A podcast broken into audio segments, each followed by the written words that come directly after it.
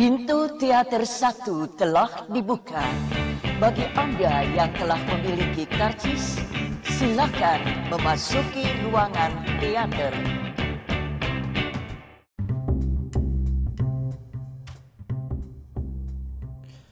Halo, selamat datang semuanya di podcast habis nonton film. Uh, di sini gue Mustafa. Gue akan berusaha untuk mencoba menceritakan gue tuh habis nonton film apa aja sih? Cigi itu. Dan berusaha untuk ya berkeluh kesah tentang apa rasanya menonton film itu. Dan kali ini gue mau memulai podcast ini dengan film First Man.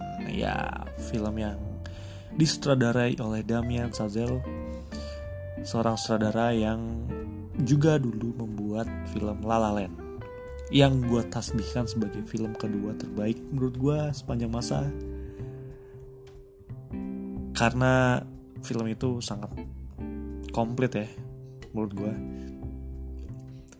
terus nomor satunya apa? Nomor satunya nanti gue ceritain kapan-kapan. Kalau kalau kalau inget ya pokoknya lain tuh nomor dua lah. Close to the first. Tiket lagi jadi nomor satu tapi nggak lain mungkin uh, akan bisa diciptakan lagi kapan-kapan dengan orang yang berbeda dan konsep yang berbeda gitu. Film yang macam-macam lalalen gue jarang nonton film musikal tapi lalalen tuh hook banget sih. Oke langsung aja deh kenapa gue ngomong ngomongin lalalen uh, kalau lu punya duit banyak deh dan dan tinggal di Jakarta atau Surabaya atau kota-kota yang ada IMAX-nya lu segera nonton First Man di IMAX deh. Saran gue sih kayak gitu. Karena film ini tuh punya adegan penting yaitu pendaratan di bulan yang menggunakan kamera IMAX jadi lebar banget. Dan dan itu rasanya kayak di bulan kan bisa kerasa rasanya ya nggak nggak sama persis karena kita nggak tahu gimana rasanya di bulan. Tapi karena studio itu gelap dan uh, gambarnya tajam. Jadi seolah-olah kita jadi sudut pandang orang pertama. Kita jadi Neil Armstrong yang melihat bulan itu mendarat jadi segera nonton di IMAX untuk bisa ngerasain gimana rasanya mendarat di bulan. Oke uh, kita kita coba bahas filmnya ya. Kalau kalau menurut gue First Man ini film yang bagus. Film yang bagus film yang awalnya gue cukup cukup takut apakah si Damian Chazelle ini bisa menciptakan film biopik yang bagus gitu. Karena sebelumnya dia kan bikin film musikal dari film dia yang Madeline Whiplash sama La Land gitu. Yang Madeline, Madeline sih gue belum nonton tapi kabarnya itu bagus. Whiplash La Land seperti yang kalau lo udah nonton itu bagus banget. La Land sama Whiplash. Nah gimana nih? Apakah dia bisa bikin First Man ya tentang Neil Armstrong. Isu dan kabar tentang produksi film First Man ini kan udah ada ketika film La La Land udah rilis dan menang Oscar kalau nggak salah. Jadi setelah dia menang Oscar musim award berakhir terus muncullah uh, berita kalau Damien Chazelle akan membuat film biopik tentang Neil Armstrong. Wow at that time ya gue ngerasa wah it must be challenging for him. Karena di luar kebiasaan dia mendirect. Dan ternyata dia berhasil. Berhasil banget. Gue nggak kenal siapa di tunnel Armstrong. Gue nggak pernah tahu gimana kepribadiannya. Yang gue tahu dia cuma orang yang pertama mendaratkan kaki di bulan. Tapi tapi First Man itu bisa ngajak gue untuk kenalan sama Neil Armstrong. Yang yang orangnya pendiam tapi ambisius dan flat, pinter, sayang sama anak-anaknya, sangat komitmen dengan apa yang dia kerjakan sebagai seorang uh, apa ya sebelum dia jadi astronot sih sepertinya penerbang. Atau gue nggak tahu. Uh, ya sebagai sebuah sebagai seorang astronot ya. Orangnya sangat berdedikasi. Kita tahu perjuangan dia dari dari dia uh, dari dia karir penerbangannya itu sampai akhirnya dia benar ke bulan itu itu kerasa. Itu kerasa banget. Dan kalau kalau lu udah nonton film itu sebenarnya bicara soal kerinduan. Kalau gue nangkepnya First Man itu bicara soal kerinduan tentang bagaimana merelakan dan yang menjadi oke gini gini ya. Sebelum gue nonton film First Man tuh yang ada di otak gue uh, betapa kerennya pendaratan di bulan. Itu itu yang jadi yang gue pikirin. Tapi setelah nonton kayak anjir ternyata mau ke bulan itu perjuangannya sebegitu sebegitu gilanya ya. Lo harus pinter banget lo harus kuat jiwa raga batin mental emosi decision making lo harus jago semua dan itu nggak gue bayangkan sebelumnya gue nggak pernah mikirin apakah orang-orang yang pergi ke luar angkasa itu ketika dalam perjalanannya ada trouble terus mereka ketika uh, menyelesaikannya itu persiapannya gimana sih? Nah, kalau kalau di first man tuh dijelasin dan itu dibangun dengan sangat dengan oke okay, gitu.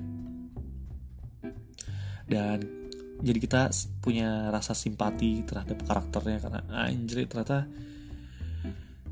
gini lu sebagai orang yang diutus untuk pergi ke bulan itu resikonya lu akan ninggalin keluarga lu anak-anak lu.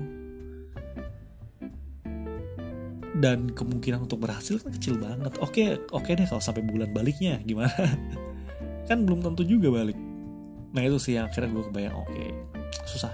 Susah sih. Itu makanya kayak jadi astronot tuh ujung bukan ujung. Ya susah lah kayaknya. Makanya astronot itu dikit di dunia ini karena itu kali ya. Susah men belajarnya. Bayangin nih punya motor aja lu jalan di tengah jalan sendirian bannya bocor atau mesinnya rusak aja lu bingung kan. Ini kalau lu dari bumi ke luar angkasa lu ke bulan terus tiba-tiba di luar angkasa lu ada trouble gimana? Ya kan cuma diri lu sendiri sama partner lu dalam situ yang bisa benerin dan nggak asal sembarangan keluar juga. Cuma lu pencet tombol-tombol yang yang yang rumit dan gerakannya tidak bisa diatur gitu bayangin. Dan Neil Armstrong tuh untuk dipaksa untuk tidak panik dipaksa untuk uh, bisa menyelesaikan itu dalam keadaan-keadaan genting dengan hitungan hitungan matematika dia yang sangat jago gitu. ya jadinya kita jadinya ya kita gue kenal jadinya gue kenal sama film tuh kayak gue salaman sama Neil Armstrong aja First Man tuh mengajak gue untuk berkenalan dengan Armstrong dengan dalam gitu nah terus uh, itu tadi bicara soal kerinduan tentang meninggalkan. Yang ditinggalkan itu bukan buminya men. Yang ditinggalkan itu orang yang dicintai gitu. yang yang ada di otak Neil Armstrong itu bukan bukan Amerika akan mengalahkan Uni Soviet tapi apakah gue bisa berhasil sampai sana kembali lagi dan bertemu dengan keluarga gue nah itu tuh yang dipikirin makanya film ini tuh sebenarnya bukan sudut pandang tentang pencapaian sebuah negara ya Amerika gitu. Tapi film itu sudut pandang pencapaian dari uh, sosok Neil Armstrong. Itu kenapa nggak ada adegan penancapan bendera Amerika di bulan di film ini? Karena menurut Damien Chazelle sendiri dia ada di artikel gue baca film itu tuh bicara soal Neil Armstrongnya pencapaian pribadi bukan sebuah negara. Toh toh sebenarnya juga tergambar kok kalau Amerika berhasil di sini tapi ya itu nggak secara eksplisit. Ini lebih bicara soal Neil Armstrong yang berhasil menaklukkan ketakutan ketakutannya keraguan keraguannya uh, rasa rasa rasa rindu dan rasa rasa berkorban dia yang sangat kuat gitu. Lebih itu lebih bicara ke sana. Dan dan sangat menarik sih pada akhirnya kalau gue lihat oh ternyata jadi jadi jadi astronot tuh sangat sangat menakutkan gitu. Nggak keren kerennya dikit kerennya ketika lu sampai bumi dan berhasil. Tapi kalau sepanjang lu ngelewatin atmosfer dan lu terjadi apa-apa ya cuma lu yang bisa menyelamatkan diri lu sendiri. Which is so so fun scary. Uh, terus First Man itu nggak diciptain untuk banyak orang cukup segmented karena sepertinya uh, film ini gak semasif La La Land ya. La La Land juga segmented tapi First Man lebih segmented. Storytellingnya itu gaya-gaya dari sinematografinya itu menggunakan gaya home video dokumenter era 70-an kali ya seperti yang lu biasa sering lihat di video-video video-video komedi video-video funny moment video di Global TV malam-malam. Ingat gak sih? Setelah nonton itu? Ada kan tuh? Nah itu video yang pakai kamera 16 mm dan bisa zoom in kapan aja itu dan banyak close upnya nah First Man tuh pakai gaya itu. Gue sih nangkepnya supaya kita bisa lebih dekat dengan sosok Neil Armstrong apa yang dia lihat apa yang dia rasakan yang kita seperti bagian dari keluarga dia gitu. Nah, terus uh,